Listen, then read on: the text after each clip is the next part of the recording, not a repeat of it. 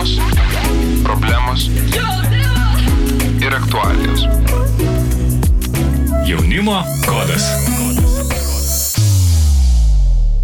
Sveiki visi, um, su jumis esu aš Gabrielė ir šiandien mes kalbinsime labai nuostabų žmogų, Lina Tot, kuri yra teologija, rašytoja, muzikantė, kurieja, dėstytoja Škotijos baptistų kolegijoje.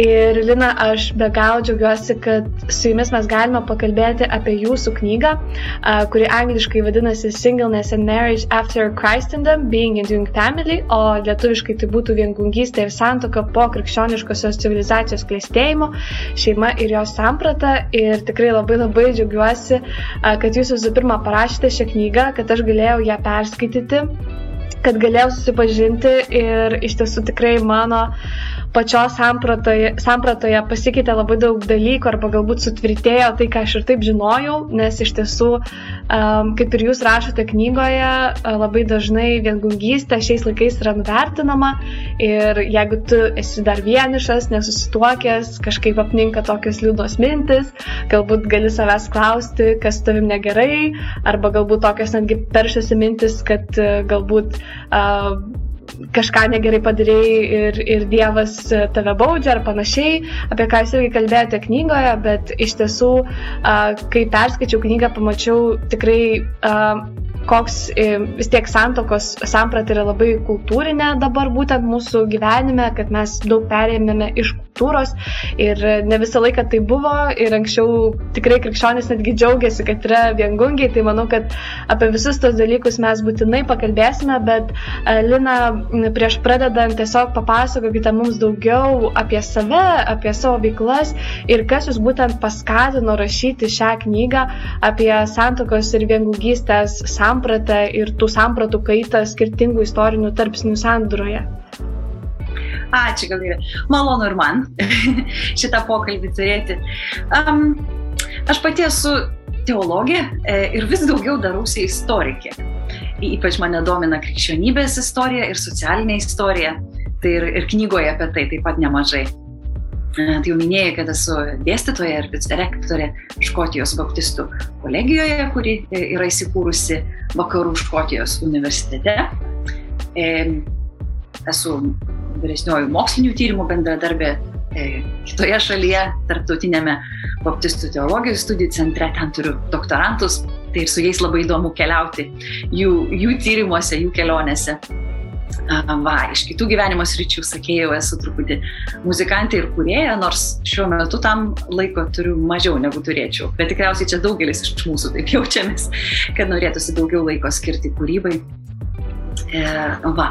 O, o knygą paskatino rašyti būtent, ko gero, kontrastas tarp to, kas gana aiškiai matoma labai aiškiai, aš sakyčiau, Naujajame testamente ir, ir to, kas tapo norma e, mūsų šiuolaikinėse bažnyčiose.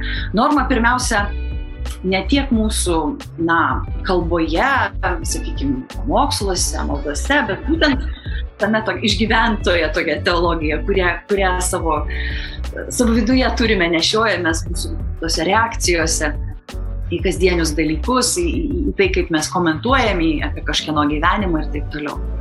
Tai va tas kontrastas tarp e, to, kaip Jėzaus laikais visuomenė, e, visuomenė buvo susiklošiusi ir, ir kaip um, toje visuomenėje vyravusios šeimos ir, ir giminės struktūros uh, jos susiduria su nauja Kristuje Dievo kuriama šeima. Tai čia ir Jėzus yra paštalo Pauliaus entuziastingas viengungystės palaikymas. Taip pat ir šeimos ir santokos e, labai rimtas požiūris į ją, apie tai galbūt taip pat pasikalbėsime. Va, tai kaip tu ir sakėjai, pas mus kažkaip tapo kaip ir lygybės ženklų bažnyčia ir šeima. Tarkim, šeima būtų, santoka būtų kaip ir bažnyčios pagrindas. Ir be jos E, bažnyčiai taip pat nekas bus. Va, gal tik tai dar truputėlį apie, e, galėtume išpakuoti tą mano knygos pavadinimą, lietuviškai jis toks gana, ganėtinai sudėtingas, aš ko gero veršiu taip, viengungystė ir santoka po krikščioniškame pasaulyje. Tai yra mūsų pasaulyje, kuriame jau krikščioniška tokia bendra žinia, jį jau kaip ir nebėra tokia pagrindinė visuomenėje mūsų. Ir, ir, ir tos istorijos pagrindinės e, tiesos krikščioniškos jos nebūtinai yra žinomos. Pati bažnyčia, aišku, irgi vis mažiau turi valdžios. Ir, ir antroji dalis e, e, pavad, knygos pavadinimo yra ką reiškia ir būti ir gyventi kaip šeima. Tai čia na, aš gal truputėlį specialiai, taip truputėlį paklaidinu, nes aišku, iškart žmonės galvoja, kad aš kalbu apie šeimą, santoką, o kaip tu jau tikriausiai žinai iš knygos, aš pirmiausia kalbu apie tai, kad Jėzui labai aiškiai pati pirmoji šeima, pati svarbiausia šeima buvo toji nauja bendruomenė, Dievo kuriama. O, o santoka, tos šeim, e, kraujo ryšiais susietos e, šeimos, giminės jau yra tos naujos Dievo kūriamos realybės šviesoje e, į jas yra žvelgiama. Tai va ir aš taip mėginau šitos knygos pagrindų pakviesti žmonės, na, susimastyti apie tai, kas mums yra bažnyčia. Nes Kristui labai aiškiai vienareikšmiškai tai yra naujoji šeima, tai yra mano broliai, seserys, motina ir taip toliau. Tai va, ir tiek viengungystė, tiek santoka, mano įsitikinimu, mums, tiems, kurie norėtume sekti Jėzų, kurie siekiame sekti Jėzų, jį, jas galima žiūrėti abi tik tai per tą Kristaus šeimos prizmę. Taip, tikrai, tikrai, Lina, manau, kad na, jums kadangi ir ši tema labai aktuali ir manau, kad per šią knygą, kas ją skaitys ir ypač tie, kurie galbūt yra ir nesusituokę, galės įgyti tą, tą laisvę ir, ir, ir apskritai sekti, sekti Jėzumi praktiškai, nes, kaip ir sakėte, teoriškai, na tikrai žinome tuos atsakymus teisingus, bet nebūtinai jais gyvename. Tai būtent e, susimastyti ir, ir galbūt gyventi, priimti sprendimus. Ir iš tiesų, e, kaip ir jūsų knygoje yra rašoma, kad pirmųjų krikščionių požiūris santoka buvo visai kitoks ir netgi pirmieji krikščionys buvo kaltinami tradicinės šeimos grevimu, nes jie rinkosi nesituokti, o išlaikyti tyrumą. Ir tyrumas buvo kaip pasišventimo Jėzui ženklas, kaip artėjančios karalystės laukimo ženklas. Ir Ir tai toks visiškai kardinalus požiūris nuo to, ką mes turime šiandien. Tai gal galėtumėte kiek daugiau ir išplėtoti tą pirmosios bažnyčios požiūrį į santoką ir šeimą, kurio būtent šalininkas ir buvo pats Jėzus. Tikriausiai reikėtų mums pradėti nuo Senojo testamento, nes būtent ant jo sąmoningai, o, o gal ir nesąmoningai dažnai, dažniausiai statoma to iš jo laikinė šeimos ir santokos teologija, kurią tu, tu minėjai. E, nes senai, Sename testamente iš tikrųjų e, santoka yra norma, vaikai yra absoliučiai esminis gero Dievo palaiminto gyvenimo aspektas. Iš esmės, santokos esmė yra e, pratesti giminę, nes per ją būtent vyksta Dievo valia, per ją, per Izraelio šeimas, e, e Izraelio Dievas e, kuria e, tą Dievo ir žmonių istoriją. Ji, iš tikrųjų, tai, yra, tai ir yra neatsiejama um, tokio gyvenimo tikėjimo dalimi. E, dalis. Um, Ta prasme, bet irgi įdomu pažvelgus į Senojo testamento istorijas, mes matom, kad, kad uh, santokos nebuvimas buvo didelis skausmas, kaip moteriams taip pat buvo ir um, bevaikystė, negalėjimas susilaukti vaikų. E, turim ne vieną istoriją Senajame testamente skausmų perpildyta, kur, kur laukiama, nesulaukiama vaikų. Tai iš tikrųjų, tai, tai buvo esmė, savanoriai gangungiai buvo retenybė, nebent jeigu tai būtų žmonės, kuriems taip jau atsitiko, kurie negali turėti vaikų, todėl ir negali tuoktis. E, ar nebent jeigu tai būtų pranašai ar ypatingai šventi žmonės, kurie nuolat gyvena Dievo artumoje. Ir vad būtent tokioje Senojo testamento šviesoje matome, kad Jėzus ir, ir ateina kaip toks pranašas. Prieš jį Jonas, e, krikštytojas taip pat, toj, toj pačioj tokioj tradicijoje. Ir tas Jėzaus mokymas aiškiai į pirmą vietą tada virš visų kitų prioritetų stato tą naują bendruomenę. Hmm. Jėzaus kelio sekėjų. Ir, ir būtent todėl toji žinia taip šokiravo aplinkinius kieti tie žodžiai, kas gali jų klausyti, kaip jie sakė, ne? Um, ir, ir tie kieti žodžiai yra kieti ir mums iš tikrųjų, jeigu mes norime jų girdėti, jeigu nemėginsime vis taip Jėzo žodžių sušvelninti, pris, prisijaukinti, e, taip, kad jie taptų mums jau nebe, nebebaugus ir ne, nebepavojingi mūsų, na, tokiam gyvenimui, kokio mes norime, kokį, kokį mes įsivaizduojame. Bet toji žinia, jinai iš tikrųjų yra radikali. Pamen, pameni ir, ir kad ir to, tokios eilutės kaip štai tavo motina ir broliai ir seserys stovi ir ieško tavęs laukia. O jis atsako, Jėzus, kas yra mano motina ir broliai? Pažvelgęs į aplink sėdinčius, sako, štai mano motina ir broliai. Kas tik vykdo tėvo valią, tas man ir brolis, ir sesuo, ir motina. Ir dar tokius sudėtingesnių eilučių matome per, per, per visą Jėzaus gyvenimo istoriją ir mokymą.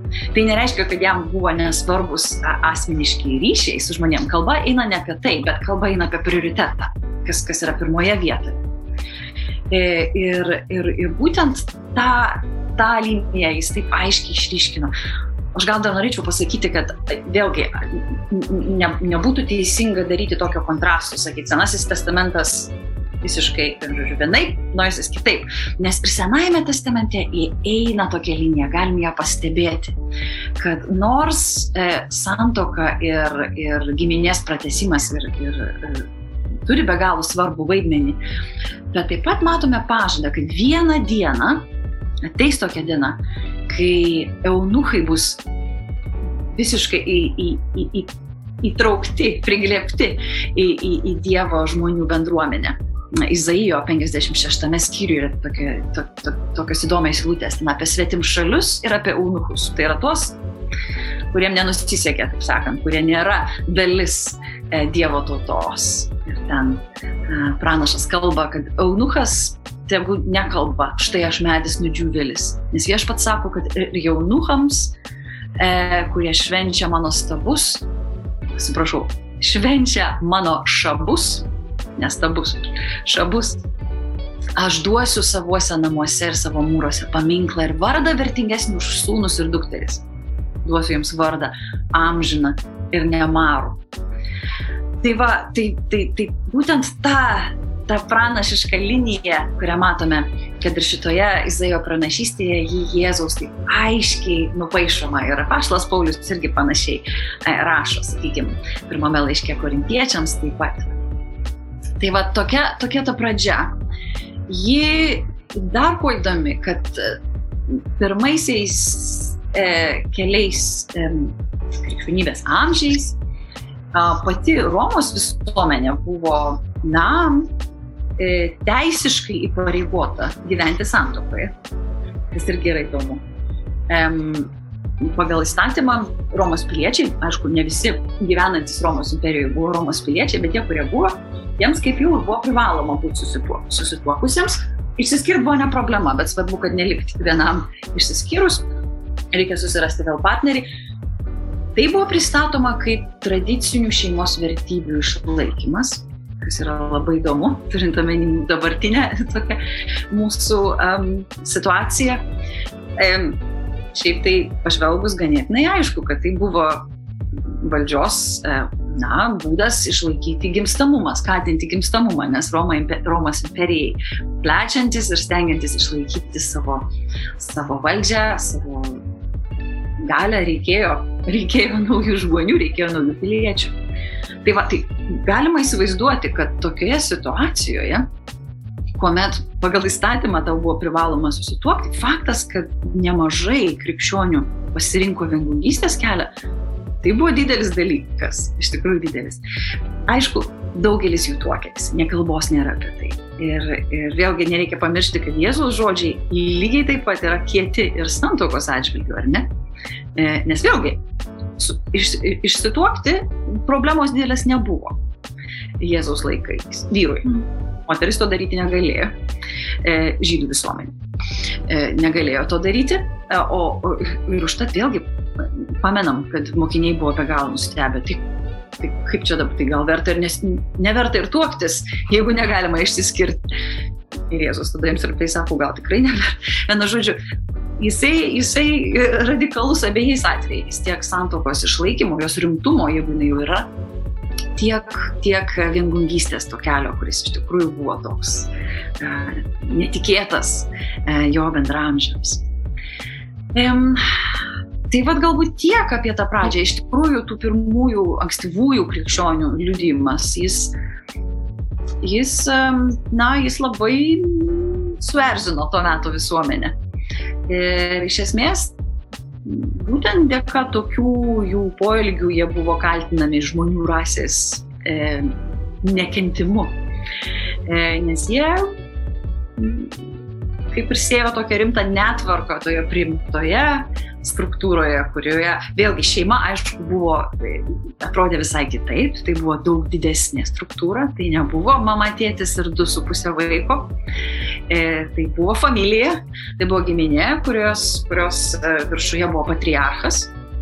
Ir galima įsivaizduoti, kokią sumaištį sukėlė e, įtikėjęs žmogus, naujas Jėzaus kelio sekėjas, kuris nepaisydamas savo tėvo, patriarcho e, nurodymų, mm, ima, ima sekti šituo keliu, ima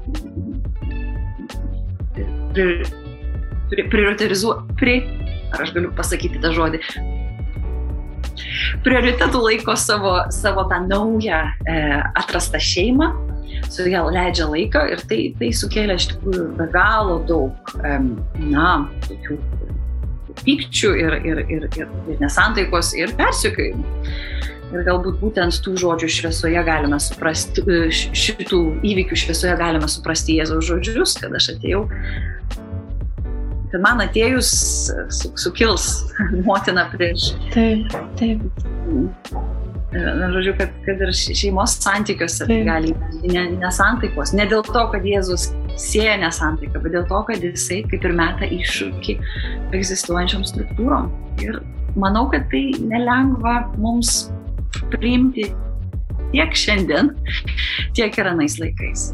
Taip, bet iš tiesų labai įdomu, kad na, anksčiau a, vis tiek buvo toks pasipriešinimas prieš sistemą, prieš imperiją, prieš tas nustatytas taisyklės, o dabar turbūt a, to pasipriešinimo sulauktume iš tų pačių krikščionių, iš tos pačios šeimos, kas anksčiau turbūt kaip tik galbūt sulaukdavo palaikymo ir, ir krikščionis e, stengiasi ir, ir išlaikyti tą tyrumą ir tai buvo toks atsidavimo Dievui ženklas, kas dabar uh, tikrai būtų neatsidavimo, bet turbūt irgi toks nepagarbos, maišto, būtent kalbu apie tokį krikščionių suvokimą, kas, kuris tikrai yra gajus, nors turbūt labiau gajus praktikoje negu teorijoje, nes mes visi sutinkame, kad, kad iš tiesų e, yra gerai mylėti viešpati ir kad ar susituokęs ar nesusituokęs vis tiek gali būti laimingas, e, bet visgi mes sutiksime, kad e, tikrai santoka šiandien yra garbinama ir kaip jūs ir pati minėjote,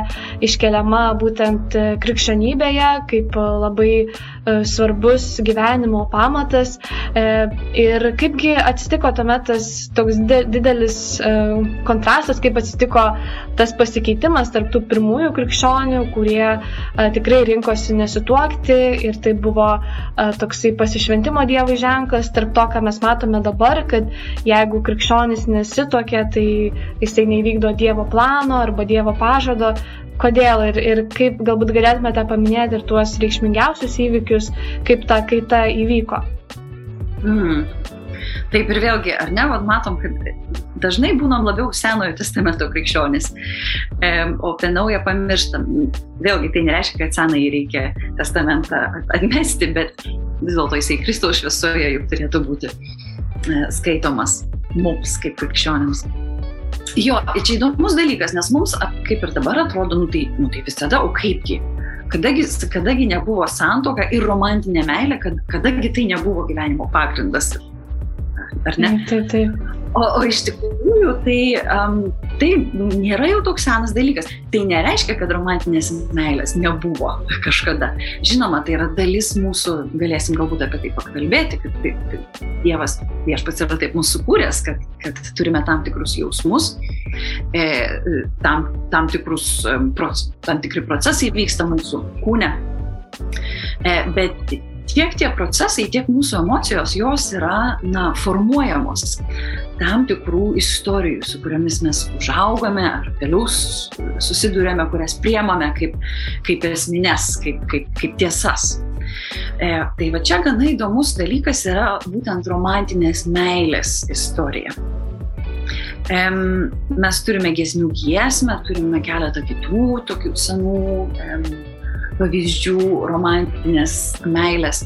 Tačiau iš esmės tokį, tokį, tokią formą, kokią jį turi dabar, ji yra įgyja, įgyjusi per pastaruosius, na, 800 metų ar panašiai. E, vėlgi čia galbūt per daug nuklystume į istoriją, bet 12 amžius buvo labai įdomus mūsų krikščionybės istorijoje. Iš vienos pusės buvo be galo daug visokiausių atgimimų, dvasinių. E, kontekste bažnyčios, kuri iš tikrųjų daugeliu, e, daugeliu prasmių buvo korumpuota, buvo daug tokio iš, iš liaudės labai e, e, e, e, noro pasišvesti Dievui. Ir tuo pačiu išaugo tokia nauja, na, beveik religija, tiesą pasakius. Labai įdomu, nes tokie iš tikrųjų kai, kai skaitai, e, e, matai tokius, tokius žodžiai, kurie paprastai būtų religinėse sferose vartojami. Ir būtent tai buvo istorijos mitai mes kartais juos vadinam, apie romantinę meilę. Čia ir Romeo ir Džiulieta vėliau, bet Tristanas ir Izolda anksčiau. E, būtent, reiškia, toks, tam, tam tikras būdas, reiškia, na, tam tikras būdas praktikuoti meilę. Kas įdomu, kad tai nebuvo e, meilė, kuri vedė į ilgą laimingą gyvenimą. Tai buvo daugiau riteris, kuris savo damai, reiškia, demonstravo visišką savo visišką atsidavimą, panašiai kaip Dievui. Būtent įdomu, kad panašus žodžiai vartojami. Ta dama dažniausiai būdavo žmona reiškia, jo, jo viršininku ir, reiškia, jokių fizinių santykių kaip ir nebuvo, bet buvo meilė, dėl kurios verta mirti. O paskui prieš jau visai neseniai, prieš porą šimtų metų, karalienės Viktorijos eroje, e, toji romantinė meilė labai su entuzijazmu persikraustė jau į santuoką. Ir va, čia jau mes esame paveldėję būtent tokią istoriją, kad, na, geriausia, kas gali nutikti tavo gyvenime iš esmės, tai yra sutikti savo gyvenimo meilę. E, ir, ir, ir susituokti ir tuomet ilgai ir laimingai gyventi. E, čia būtent tuo metu gimsta ir meilės romanas, kaip žanras. Ir vėlgi, kaip, pagalvoj, kaip pagalvojame, kaip, kaip mes visi užaugę su tuo, tarp kitko ypač, ypač mergaitės, moteris, merginos, ar ne. Čia ir dainos mūsų e, apie, apie, apie meilę. Ir, ir, ir ta mintis, kad mes įsimylime ir nieko padaryti nebegalime, meilė tokia kaip, kaip na nežinau, kaip, kaip kokie kerai beveik, bet vėlgi mes krikščioniškame pasaulyje sugebame kažkaip apkrikštyti visus tos dalykus. Ir, ir, ir paversti jos Dievo palaimos ženklų. Ir tuomet labai lengva sakyti, o kodėl tu vienas, o kodėl tu viena, o tai, o tai, o tai kas, kas su tavimi netvarkoj ir, ir ar tu, ar tai per išranki, o, o gal esi kažką padariusi, gal, gal, gal kažką reikia sutvarkyti santykiuose su Dievu. Nes faktas, kad, kad vienu žodžiu, geriausia būtų gal būti su kažkuo, atėjus tam tikram amžiui, ar ne? Va, tai čia aš sakyčiau, ko gero, čia bat man tas labai kliūva, nes labai akivaizdu, kad mes tikrai esame pasiskolinę iš, iš savo kultūros, tam, tam tikrus tuos mitus juos galim vadinti tą prasme, kad jie, na, formuoja mūsų požiūrį, tai kas yra svarbu, kas yra mūsų vertybės. Ir va, mes jas taip sukrikščioniname, apkrikštyjame ir, ir jos mums tampa, na, tokiu kaip ir, um, nežinau, kriterijum Dievo, dievo palaimos, ar ne? Kad jeigu, na nebent jeigu turi tą dovaną jau ypatingą, reiškia, likti vienam, tar, vienai, tarnauti Dievui e, vienbūgystėje, tuomet faktas, kad tu turėtum turėti savo savo. Ir, ir čia, aišku, turime dar vieną problemą bendruomenėse, kuriuose moterų praktiškai visada yra daug daugiau negu vyrų.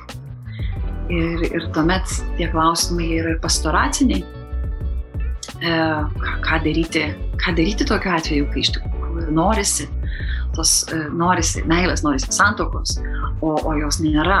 Ar, ar Dievas mane baudžia, ar Dievas manęs negirdi mano maldų.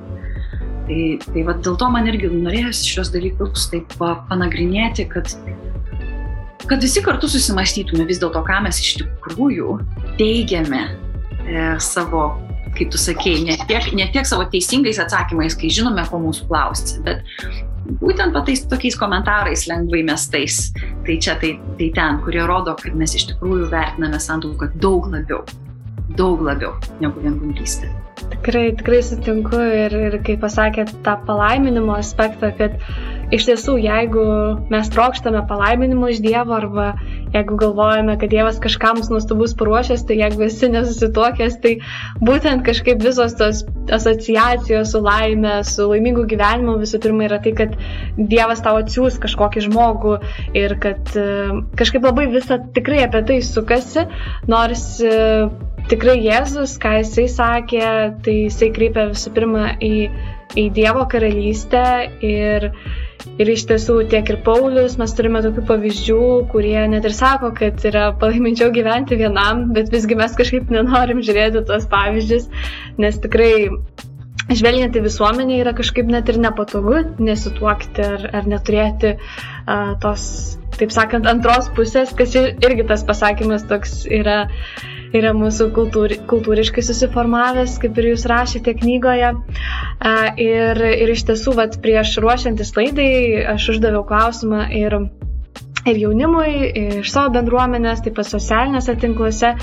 Ir tikrai atrodo visi žino tuos teisingus atsakymus ir, ir tikrai teisingai atsakė, kad, kad reikia būti laimingam ir vienam, kad santoka nepadarys tavęs laimingo ir kad e, yra savų pliusų, savų minusų. E, tai žodžiu, kaip ir pagrindą visi žinome, kad reikia gyventi su Dievu, reikia jo, jo ieškoti uh, ir, ir tuomet tikrai mes būsime laimingi.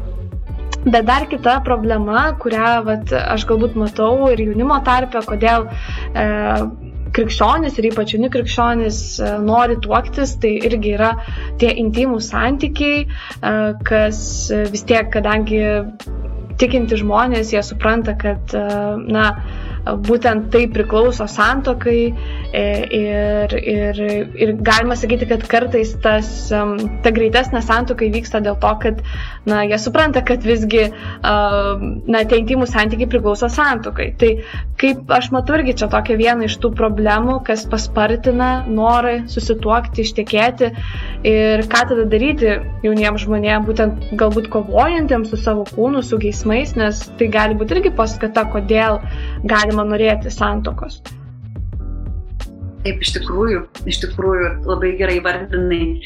E, daug, daug su to yra susijusių e, tokių jo ir, ir, ir problemų, ir, ir, ir pastoracinių, ir, ir asmeniškų, ir skirybos.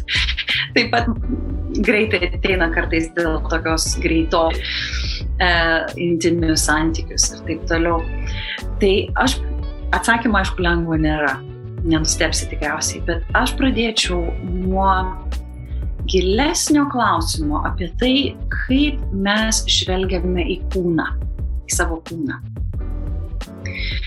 Um, ir čia, čia jau pirmieji krikščionys kovojo su tuo, ypač po, po kelių pirmųjų amžių, vėlgi nesigilinsime, bet viena iš tokių erezijų, su kuria krikščionybė kovojo ir sakyčiau, tai arba galėtume jį apibūdinti kaip dualizmas, tai yra skirstimas į, į pasaulio, į dvasinį ir fizinį. Ir dvasinis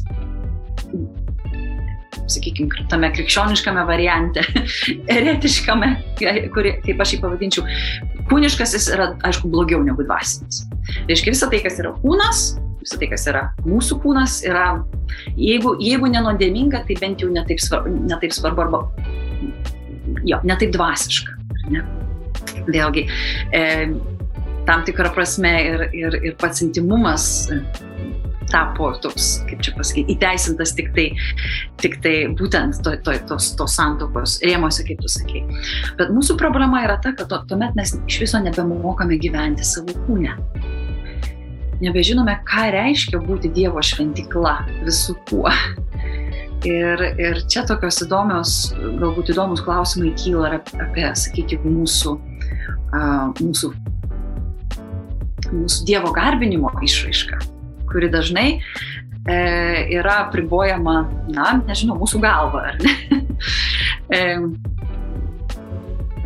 o, o, o visas kūnas kaip ir lieka izoliuotas nuo, nuo mūsų gyvenimo su Dievu visų pirma. Tai va, aš ko gero norėčiau pradėti ten, norėčiau pradėti nuo klausimo, ką, ką reiškia iš tikrųjų mokėti pamilti savo kūną, kurį sukūrė Dievas pavadino tą kūną geru, jo džiaugtis. Vėlgi, mūsų kultūroje tai nėra lengva, nes mums nuolat yra sakoma, kad mes per stori, per, per, per trumpi, dar kokie nors per kreivi ar ne? Ir, ir vėlgi tokiame hiperseksualizuotame pasaulyje labai sunku rasti tą, tą, tą, tą balansą, į kurį, man atrodo, e, Dievas aiškiai mus kviečia, kad kūno ir nekesti, ir nemanyti, kad jis yra vienintelis dalykas, kas yra, ar ne, ką, ką mes turime. Tai va, ko gero norėčiau pradėti ten. O, o tie tolimesni klausimai, vėlgi, man atrodo, reikėtų labai atsargiai ir, ir, ir iš pastoracinės pusės į juos žiūrėti, kaip jau sakiau, man atrodo, reikėtų atsargiai su žmonių skatinimu tu, tuoktis kuo greičiau. Um, aišku, apskritai negalima tokio dalyko patarti ap, aplamai, ar ne, apie, apie kiekvieną situaciją reikėtų kalbėti kartu, reikėtų padėti žmonėms ruošianti santokai, nes vėlgi labai dažnai ją yra einama per tokius, žvelgiant per tokius rožinius, romantiškus akinius, ar ne? Ir, ir vėlgi, jeigu norime rimtai žvelgti į santoką taip, kaip Jėzus ją žvelgia, tuomet reikės pasiruošti galbūt ilgam ir galbūt kartais nelengvam keliui. Ir, ir būtent taip stengtis padėti, klausia, ypač jauniems žmonėms, mąstyti apie santuoką. Galbūt dar vieną dalyką pasakysiu. Viena iš problemų, man atrodo, kodėl, kodėl kartais taip sunku mums susigaudyti, ką daryti su, ta, su, ta, su tuo e, e, su vien, viengungiškumu, ypač kai jis nėra pasirinktas, o tiesiog tokios aplinkybės, yra tai, kad mes dažnai net nelabai įsivaizduojame, kaip kokio, koks tas šeiminis gyvenimas, kokios tos santokos iš tikrųjų yra, kaip jos atrodo. Ir taip yra todėl, kad mes labai dažnai praktiškai nesidaliname savo gyvenimais. Mes kaip krikščionis, kaip Jėzaus pasitikėjai. Jeigu mes matome tik, matomės tik, tai, sakykime, sekmadieniais, jeigu sekmadienis yra mūsų susirinkimų laikas, matome žmonės susikabinusius rankomis, vaikučius, gerai besielgiančius dažniausiai. Tai tiems, kurie, kurie yra viengungiai, labai sunku įsivaizduoti, tai ko, ko, kokia yra tos santokos kasdienybė. Ir priešingai, aišku, vėlgi, e, tie iš mūsų, kurie esame, gyvename santokoje, kartais pamirštame, ką, ką reiškia viengungiškas gyvenimas. Ir, ir irgi taip neprotingai kartais tokius na, įsivaizdavimus savo primetame ir aišku įsivaizduojame, kad viengungiai turi daugiau laiko ir dėl to turi tarnauti tam tikrose sferose tarnystės krikščioniškos. Ir man atrodo, daug kas keistųsi, jeigu mes rimčiau žvelgtume vėlgi į tą Jėzus kvietimą iš tikrųjų gyventi kaip šeima. Aš neturiu meni, kad mes visi turime į, į vieną didelį namą sueiti ir kartu gyventi, bet dalintis gyvenimu realiai daugiau negu vieną ar dvi valandas per savaitę. Tuomet vėlgi pamatytume, kad tiek santoka, tiek vengungystė, jos abi turi savas palaimas ir savus apribojimus. Ir, Tikrai. Ir kad galime palaikyti vienas kitą, kurio, kurioje situacijoje bebūtume. Bet, bet jeigu ne, nepaž... neturime galimybių dalintis to gyvenimu, tuomet tos mūsų, mūsų, tie mūsų išgyvenimai tiek santokoje, tarp kitko vėlgi, e, iš tikrųjų, kuo yra teisūs šio laikiniai krikščionys, yra, kad santokai dabartiniai, kur yra paremta romantiška meilė ir dažnai tik romantiška meilė, reikalinga pagalba, reikalinga parama. Bet man yra svarbu pasakyti, ji neturi ateiti paramos viengungiams sąskaitą. Ir kad viengungiai nekelia um, grėsmės santokui, o atvirkščiai. Tik tai kartu eidami Kristaus keliu, tiek vieni, tiek kiti, galėsime viena, vienas kitą paremti, padrasinti ir, ir mokytis. Taip, tikrai jūsų knygoje tiek daug um, yra gerų dalykų ir net šito pokalbio metu turbūt viską nesigausia priepti ir, ir mūsų žiūrovai galbūt galės ir paskaityti knygą, jeigu norės, anglų kalba, nežinau, galbūt dar planuojate išversti į lietuvių kalbą, manau, būtų labai naudinga, tai galbūt ateityje atsiras, bet taip pat um, tiesiog pasidalinsiu ir nuorodą po šio video, kur galima būtų rasti. Ir iš tiesų, um, kaip jūs minėjote savo knygoje, būtent e, tais ankstyvaisiais krikščionybės amžiais, viduramžiais, kai, na, krikščionis e, dažnai net marindavo savo kūną ir apskritai net tuos lytinius santykius matė kaip nuodėmę. Ir, ir aišku, čia irgi toks vienas kraštutinumas mano, mano akim žiūrint, ar ne, kad galima tikrai padaryti religiją iš viengungystės ir, ir žodžiu, garbinti tą viengungystę, kas irgi nėra gerai. E, bet e, visgi O koks yra tada jūsų požiūris, nes net ir, ir krikščionis, e, na, galbūt buvo tokių teologinių irgi sankirtų, ar, ar būtent tie intimų santykiai yra Dievo kūrinijos dalis, ar visgi nuodėmė. Ir šiandien, aišku, mes sakom, ne, tai nėra nuodėmė, tai tikrai uh, sukurta Dievo, bet visgi, na, kodėl tada tiek buvo daug um, tų konfliktų būtent uh, dėl, dėl intimių santykių, ar ne, ir, ir, ir krikščionis netgi galvoja, kad tai nuodėmė ir visiškai nuo to bėgo. Tai koks tada jūsų požiūris yra, ar, ar tai yra iš Dievo, ar, ar kaip tada tai yra? Na, kaip jau ir sakiau, tai yra tam tikros erezijos paveldas, ar ne? Įdomu, kad tais klausimais galbūt vienas žmogus, kuris labiausiai šitais klausimais, na, ne tik domėjosi, bet ir daugiausia laiko praleido, daugiausia apie juos rašė. Ir ko gero daugiausiai įtakos mums turėjo buvo vienas iš anksti, na ne pačių ankstyviausių teologų, e, bet ganėtinai ankstyvų, tai buvo Augustinas. Jisai, jisai gyveno būtent tuo metu, kuomet krikščionybė jau tapo, na, ne, ne tik, kad nebepersiokiojama religija, bet ir e, imperinė religija. E, ir jisai iš savo paties perspektyvos, jis vėlgi, jo, jo praeitis buvo susijusi būtent su, su, su tokia dualistinė teologija. Ir jam buvo labai sunku tai priimti.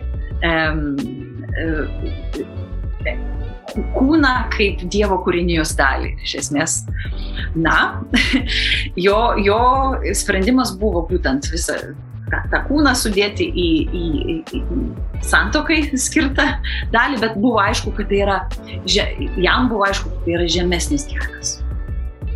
O, o viengungystė yra pranašesnis kelias. Vėlgi, um, kai kurie iš mūsų sakytų ne.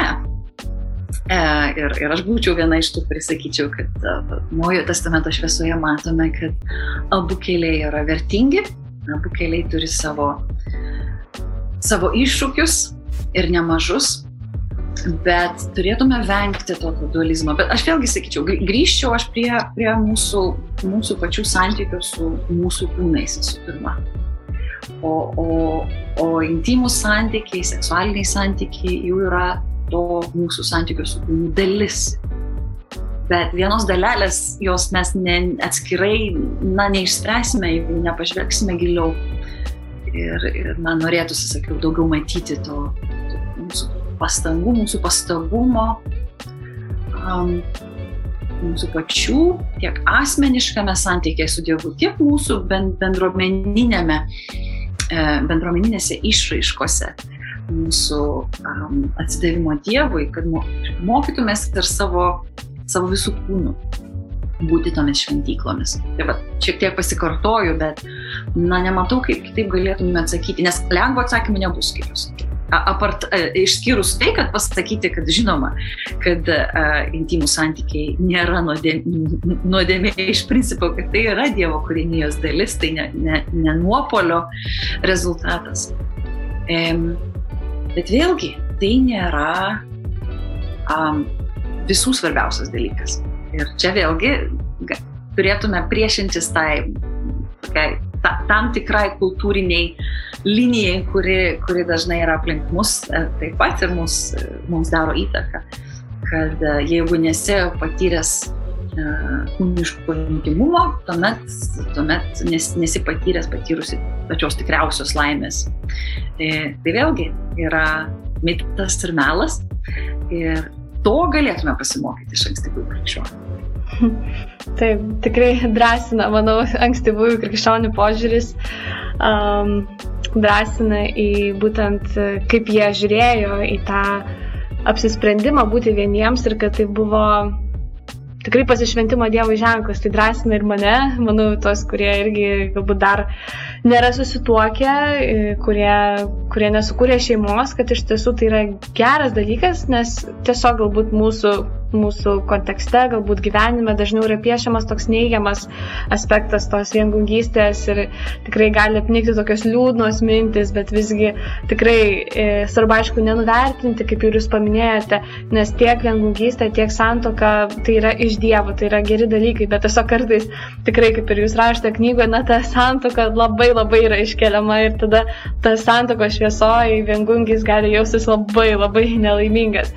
Tai Galbūt ir norėtųsi pakalbėti apie tą vat, laimę ir santoką, aišku, šitą temą plėtojama visos knygos metu, bet e, visgi tikrai man patiko jūsų mintis, kurią e, parašėte, kad mes galime jaustis laimingesni ištekėję vien dėl to, kad mes išpildėme tą tokį kultūros primestą e, irgi nuomonę, kad kad, žodžiu, tu įvykdai, įvykdai tą, tą vieną iš savo tikslų, susitokiai ir tu gali jausis vien dėl to laimingas galbūt, nes tu kažką, vat, kas yra socialiai, socialiam gyvenime priimta, išpildai. Uh, tai, bet visgi, kaip mes tuomet turėtume žiūrėti teisingai į santoką, nes jūs ir paminėjote, kad, kad tikrai santokai reikia ruoštis, kad uh, tai nėra vien tik romantinė meilė, ko mes galbūt šiandien labai norim ir galvojame, kad santoka tai vat, visą laiką turi būti žmonės įsimylėję ir panašiai, bet tikrai turi savų, savų tų iššūkių, toks noras išlaikyti nuolatinį įsimylėjimą. Tai kaip tuomet teisingai žiūrėti santoką, kas tai yra tuomet būtent ir žiūrint uh, Dievo žodžio šviesoje. Mm. Didelis, didelis klausimas tikriausiai. Tik tai tru, truputėlį galėsime jį paliesti. Aš gal norėčiau pradėti nuo, nuo to, apie ką kalbėjom prie, prieš minutėlę kitą kad mums atrodo, kad e, viengungystė reiškia intimių santykių nebuvimas, o santoka reiškia intimų santykiai. Visada, visą laiką, be problemų. Vėlgi, e, santokoje na, visko, priklausomai nuo aplinkybių, priklausomai nuo žmonių sveikatos ir, ir, ir vis nes, nes to, mums reik, to mums reikės visada, ar esame susituokę, ar, ar esame viengungiai. Um, aš manyčiau, reikėtų labai atsargiai žvelgti į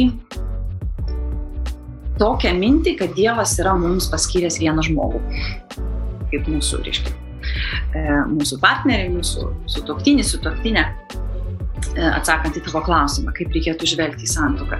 Kad, kad santokos norisi, tai čia absoliučiai žinoma nieko blogo, nors, kaip jau sakiau, dažnai jos norisi būtent dėl to, kad visi sako, kad tau reikia norėti ir kad, privalu ir jau laikas.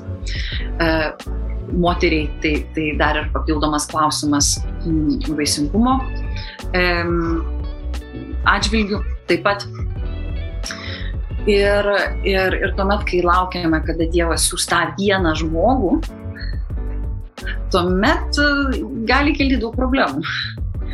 E, kodėl tas žmogus neteina, arba kodėl susituokus staiga mus ištinka bejonės, o gal vis dėlto tai nebuvo tas didžiosios raidės.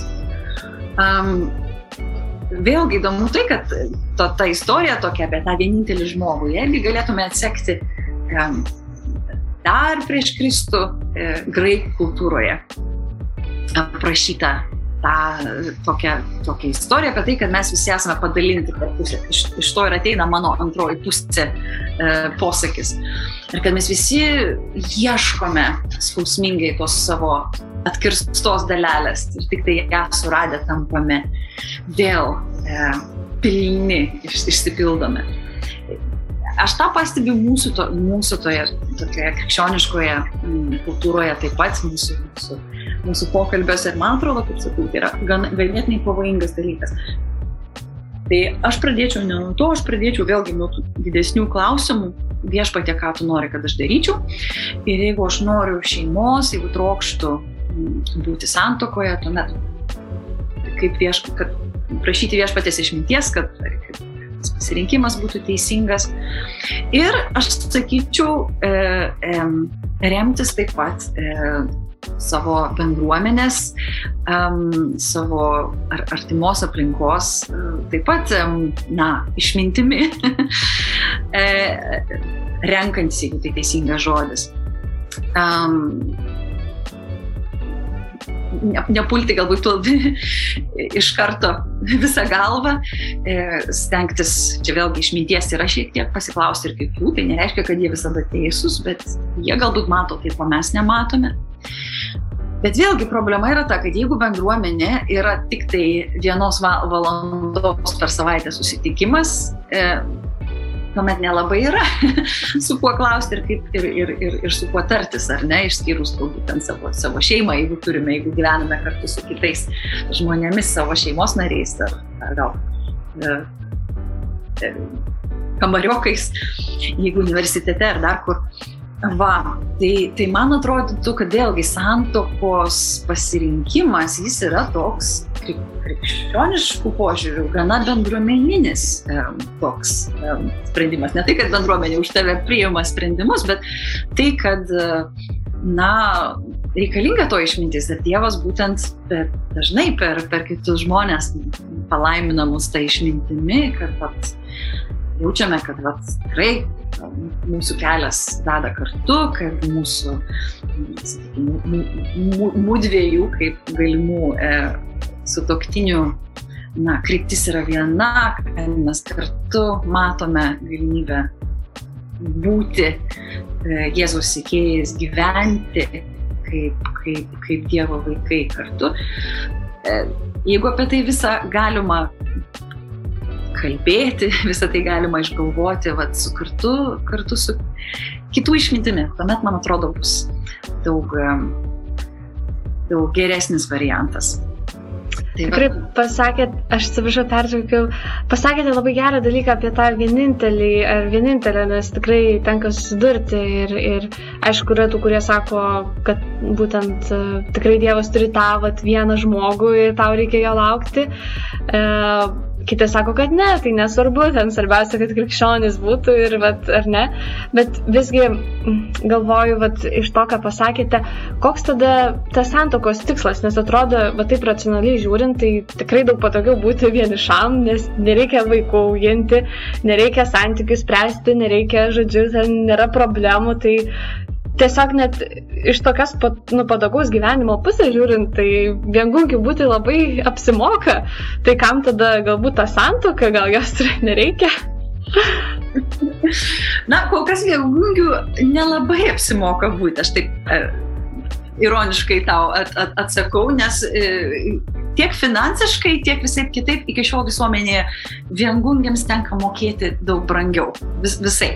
Ne tik finansiškai, bet ir, e, bet ir emociškai ir visom kitom prasme. Bet tai keičiasi. E, vėlgi įdomu tai, kad viengungiai dažnai sako, krikščionis viengungiai, kad jiems sunkiausia būti viengungiais, būtent ten krikščioniškoje aplinkoje. Um, į ką mums reikėtų atkreipti dėmesį ir atgailauti ir, ir, ir, ir pergalvoti. Na, o, o santokos esmė kokia? Aš atsakyčiau taip, kad tai yra svetinguma, svetingumas. Svetingumas savo vaikams, kurie galbūt ateis, savi ar, ar, ar, ar priimti, e, nes tie vaikai nėra tavo nusavybė, tai yra Dievo dovana bet jie eis, juos reikės išleisti.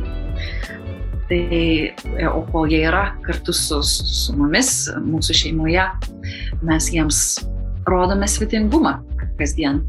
Ir lygiai taip pat santoka yra svetinga vieta, turėtų krikščioniška santoka, turėtų būti svetinga vieta kitiems.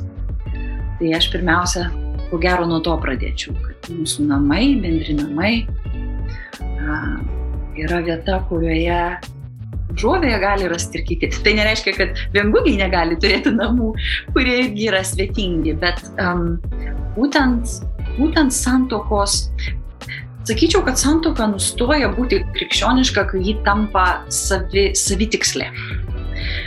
E, tai va dėl to, man atrodo, svetingumas yra viena iš svarbiausių darybių, svarbiausių na, praktikų, į kurias esame kviečiami, jeigu esame Kristaus sekėjai. Um, ir aišku, kad buvimas kartu jis, jis, jis, jis duoda be galo daug, e, partnerystė duoda be galo daug ir, ir, ir apie vaikus jau irgi galėtume atskirai kalbėti apie tai, ką tai, ką tai reiškia, ypač tiems, kurie be galo svajojo visada turėti vaikų, sakykime. Bet, kaip sakiau, vaikai yra svečiai. 18 ar kiek metų su mumis, bet jie svečiai. Va, o santoka tęsis ir toliau, jeigu Dievas laimina ilgesnių gyvenimų bet tai turėtų būti vieta, kurioje, kurioje gyvena Dievas ir kurioje ir kiti gali rasti tą Dievą. Tiek mūsų santykiuose, mano ir mano sutoktinio, tiek, tiek santykiuose, kuriuos mes turim su kitais.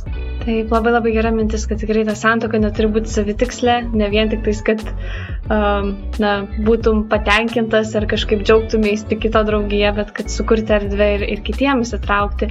Ir Lina dar vat, dėl tos romantinės meilės, kadangi mes minėjome, kad šiandien atrodo tokia neatsiejama nuo santykių, tai visgi jeigu žmogus, na tarkim, kuris neturi kol kas tos, to, to žmonos ar vyro ir, ir kaip jūs paminėjote, kad gal ir nereikia laukti to vienintelio ar ne, bet tada ta kita problema atsiveria, ar mes turėtume atsižvelgti tą, tuos romantinius jausmus, tą romantinę meilę, nes žinome, kad santokoje tai yra tik dalis to ir kad yra visai dar kita dalis statybos ir, ir, ir reikia labai daug dirbti ir su požiūriu ir, ir kitų problemų iškyla, bet kaip su ta romantinė meilė, ar, ar, ar jos, ją reikėtų atsižvelgti?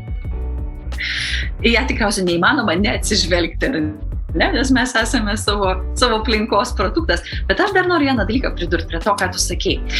Nes man atrodo, čia yra toks įdomus paradoksas. Tarp kitko, visa krikščionybė, man atrodo, yra vienas didelis paradoksas.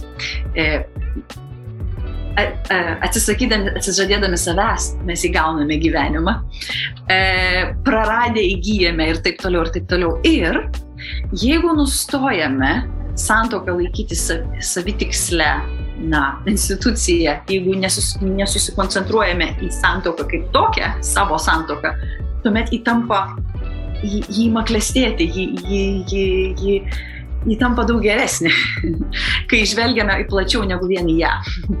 Lygiai taip pat vėlgi, jeigu susikoncentruojame į save, tuomet labai save nuskurdinsime. Tai va vienas iš tų paradoksų dėl ko, dėl ko neverta į santuoką sudėti visko, nes, nes ji taps daug, daug mažesnė, daug, daug siauresnė.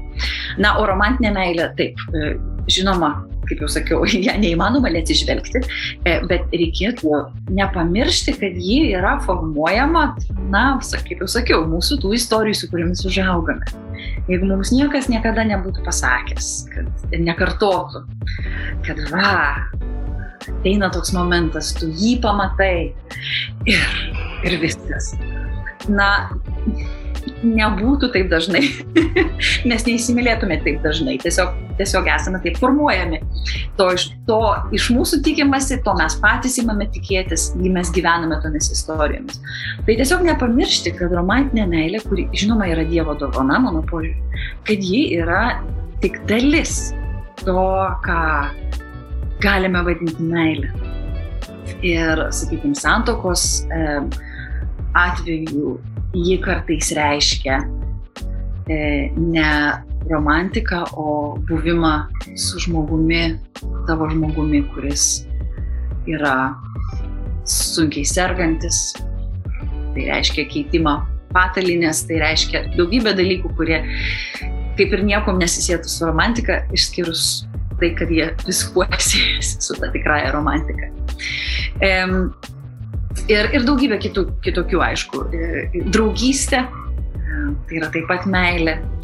Ir, ir galbūt čia aš norėčiau galbūt sustoti ir prie viengungiškos e, gyvenimo dalies, nes mums taip atrodo, kad me, vėlgi, ne tik, kad e, mums atrodo, kad meilė įmanoma tik tai santokoje ir pamirštame, kad yra įvairių meilės išraiškų. Viena iš jų yra draugystė, kurią taip pat esame, na ir pradaigoje labai dažnai, daugelio mūsų atveju. Nebemokame būti gerais draugais tiek asmeniškai vienas su kitu. Tarp kitko, santoka yra vienas didžia, dažniausių draugystės priešų, nes nebelieka laiko jai po santokos, ko neturėtų būti, nes vėlgi santokai reikalingi draugai, reikalinga ta platesnė bendruomenė, nes ji padeda tai santokai išgyventi galbūt sudėtingesnius laikotarpius. E, pamirštame, kad draug, esame kviečiami būti draugais bendruomenėje, Kristaus bendruomenėje, nes Kristus aiškiai sakė, aš jūs draugais vadinu. Ir pamirštame, kad esame kviečiami būti sekėjai to, kuris buvo vadinamas nusidėlių draugų. Va. Tai vad kaip. Tai, ir tai yra dalis meilės.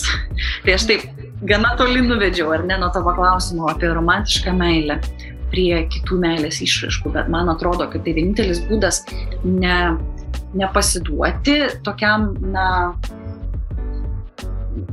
nenu, melui ne ta prasme, kad mums kažkas meluoja, bet na, tai, tai nėra visa tiesa, tai yra tik labai nedidelė dalis tiesos. Taip. Ir kad jeigu romantinę meilę mes išpešame iš to platesnio, to, to, to paveikslo, platesnio to meilės, nežinau, kilimo su vairiomis gyvėmis, tuomet, tuomet gausime labai iškreiptą vaizdą ir, ir jis, jis ne, ir, ir tos romantinės meilės nepakaks greičiausiai atėjus, atėjus sunkiems momentams, debesims tamsiems už, užplaukus. Taip, labai labai sutinku, nes tikrai mes kaip žmonės visi ieškome tos meilės ir mums visiems reikia meilės, visas pasaulis nori meilės ir, ir tikrai, kaip ir sakėte, santokoje nėra vien tik romantinė meilė ir jeigu kol kas dar neturim tos santokos, tai tikrai yra kitų meilės formų, ką mes galime patirti bendruomenėje, su draugais, tarnystėje ir kitose sritise, mes patys galime rodyti meilę ir, ir tai irgi paskui įeis ir į santokos dalį. Tai labai labai ačiū Jums ir iš tiesų, um, kaip ir vat, Jūs atsakėte vieną tą, tą klausimą, turbūt pagrindiniu uh, ir Jūsų knygoje jis aiškėja, kad tikrai um, Žodžiu, kad, kad tiek viengungystė, tiek santoka neturi koncentruotis į save. Jeigu tu esi viengungis, nesikoncentruoti, kad esi viengungis, nesigailėti savęs, bet žiūrėti plačiau, kaip tai gali pasitarnauti. Taip pat ir santoka, jeigu jinai bus tik sukoncentruota į save, ar ne, kad tik statyti savo santykius, irgi jinai nukentės ir santoka irgi turi matyti plačiau, daugiau, apriepti kitus žmonės. Tai atrodo atsakymas yra toks pats tiek santokai, tiek, tiek viengungiams, kurie dar nesukūrė, yra santoka santokos ir tikrai atrasti džiaugsmą ir ten, ir ten. Uh, bet mane dar labai padrasino tokia mintis, kurią, kuri buvo jūsų knygoje parašyta, kad vieniši žmonės gali būti pranašiškų balsų kviečiančių į gyvenimą virš mūsų komforto zonos. Be to, nesusituokę žmonės gali priminti ir parodyti Dievo karalystės pilnatvę, kurią patirti turime galimybę čia ir dabar. Nes kaip ir e, Jėzus sakė, kad danguje nebus susituokusių, ar ne, kad e, ir, ir iš tiesų ką ir darė pirmieji krikščionys, kad jie tą nesusitokimą matė kaip tokį įvaizdį tos artėjančios karalystės. E, tai e, Lina, galbūt pabaigai, kadangi kalbėjome apie laimę ir tikrai pasakėte labai daug gerų dalykų, va toks patarimas tiem, kurie šiandien yra viengungiai, nes turbūt e, šita, šitas mūsų interviu galbūt labiau skirtas toks padrasinimas tiem, kurie nesusituokę dar yra, bet aišku, tai bus naudinga ir kitiem. Kaip atrasti tuos alternatyvius laimės įprasminimo būdus, nes kaip ir mes sakėme, atrodo laimė, tai būtinai lauk savo vienintelio ir tada būsi laimingas ir išpildytas ir panašiai. Kaip, kaip atsekti Jėzumi iš tiesų visoj toj pilnatvėj ir, ir, ir tikrai nelaukti tos santokos, bet matyti, kad laimė yra kur kas plačiau. Tai jau kaip pati truputėlį pradėjai atsakyti ir aš tiesiog tada gal pratęsiu. Um, vienas dalykas tai nelaukti, ne, ne, nepaspausti pauzės savo gyvenime įsivaizduojant, kad tikras gyvenimas prasidės tik tai tuo met, kai jau atsiras ta mano meilė. Vienas dalykas, jį gali niekuomet ir neatsirasti. Ir tai nebus blogai. O gal atsiras, Bet jeigu ir atsiras, tai greičiausiai pamatysi, kad toji meilė ir gyvenimas su ja bus visiškai kitoks, negu tu ją įsivaizduoji, ar ne? Tai vienas būtų iš tų dalykų. Antras dalykas, neįsivaizduoti, kad um, kol neturime, kol nesame santokoje, tol mums trūksta, na, tam tikros, nežinau, nesame pakankamai patyrę tartum vėl, vėlgi grįžtant prie to, tartum nesam visas žmogus, tartum pusė mūsų yra. Tai gyventi pilną gyvenimą, tokį, kokį gyveno Jėzus, tokį, tokį kurį gyveno daugybė jo sekėjų, jau dabar, neįsivaizduojant, kad, kad geriausia dar laukia. Geriausia taip dar laukia, bet ne dėl to, kad ateis ar neteis gyvenimas santukoje. O kodėl vengungiai gali būti tokiu pranašišku balsu mūsų krikščioniškoje bendruomenėje. Tai todėl, kad jie mums primena, jog tie tokie, na, ypač kasdienybės ratai, tam, tikri, tam tikros, kaip čia pasakyti, priimtos normos, jos dažnai tampa mums kliudiniu iš tikrųjų rimtai sekant e, Dievo keliu. Ką aš to noriu pasakyti, kai e,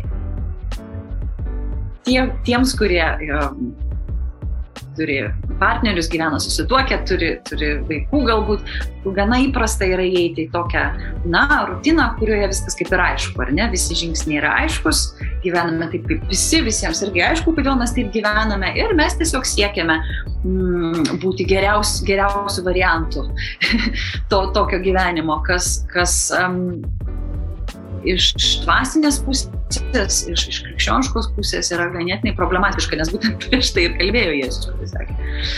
Ne tai yra svarbiausia ir ne, ne ant to reikia statyti savo gyvenimo pamatą. O, o viengungiai dažnai neturi tokio tokio raskašiaus, tokios prabangos. Ir jiems dažniau tenka užduoti tą klausimą savo apie gyvenimo prasme, tikrą prasme, ne, ne, ne vien žodžiais. Visi žinome, kad gyvenimo prasme yra gyvenimas su Dievu bet realiai savo kūnu, savo viduriais, kaip Senasis testamentas pasakytų, jausti tą gyvenimo prasme. Taip, ji yra gyvenimas su Dievu, bet ji turės kažkokią konkrečią išraišką, priklausomą nuo to, kas, kas, kas mus veža, kaip, kokie mes esame sukurti, kur, kur mūsų talentas, kur mūsų troškimas um, tarnauti, dirbti, išpildyti save, realizuoti, um, padėti kitiems, jausti džiaugsmą viengungiams tas klausimas yra aštresnis. Ir dėl to jiems kartais yra sunkiau, bet tuo pačiu, kaip jau sakiau, jie gali būti palaima visiems mums. Nes jie mums primena vėlgi tą Evangelijos radikalumą, gyvenimo naujumą, į kurį esame visi kviečiami. Ir tai yra palaima. Tikrai. Netgi tuo metu, kuomet e, jie iš kitų girdi apie tai, kad jie dar nėra pilnaverčiai, um, tą reikėtų taip, na, gana griežtai pasakyti ne viduje savo ir, ir, ir jo džiaugtis tuo, ką yra Dievas davęs. Taip, kad aš esu visavertis žmogus, pilnas žmogus ir nebūsiu pilnas, kai ateis ta antroji mano pusė. Kurią taip vadinam. Tikrai ačiū Jums, ačiū Jums labai. Visų pirma, ačiū už Jūsų tyrimą, už Jūsų knygą.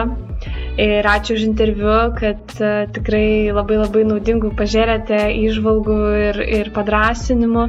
Ir iš tiesų tegul tas, tas žmogaus ateimas ar tas vat, vyro ar žmonos, tegul tai būna surprizas, ar ne? Ir kaip jūs pasakėte, net jeigu to ir nebus, tai nėra kažkoks gyvenimo tikslo neišpildymas, ar ne? Kad tai gali įvykti, o tai gali ir neįvykti, bet tiesiog, kad tai yra dovana iš Dievo, santoka yra dovana iš Dievo. Tai dar kartą dėkoju Jums, Lina, primenu, kad mes kalbėjome apie Linos knygą Viengungystė ir santoka po krikščioniškame pasaulyje, ką reiškia būti ir gyventi kaip šeima. Ir Lina pasakojo detalės iš knygos, o taip pat apskritai ir, ir iš savo gyvenimo, ir savo pastebėjimų. Tai tikrai buvo labai turiningas, turtingas pokalbis. Ir ačiū Jums, Lina, ir linkime Jums tikrai sėkmės ir tolesniuose Jūsų atradimuose ir, ir mokymuose. Ir ačiū, ačiū už tai, ką darote.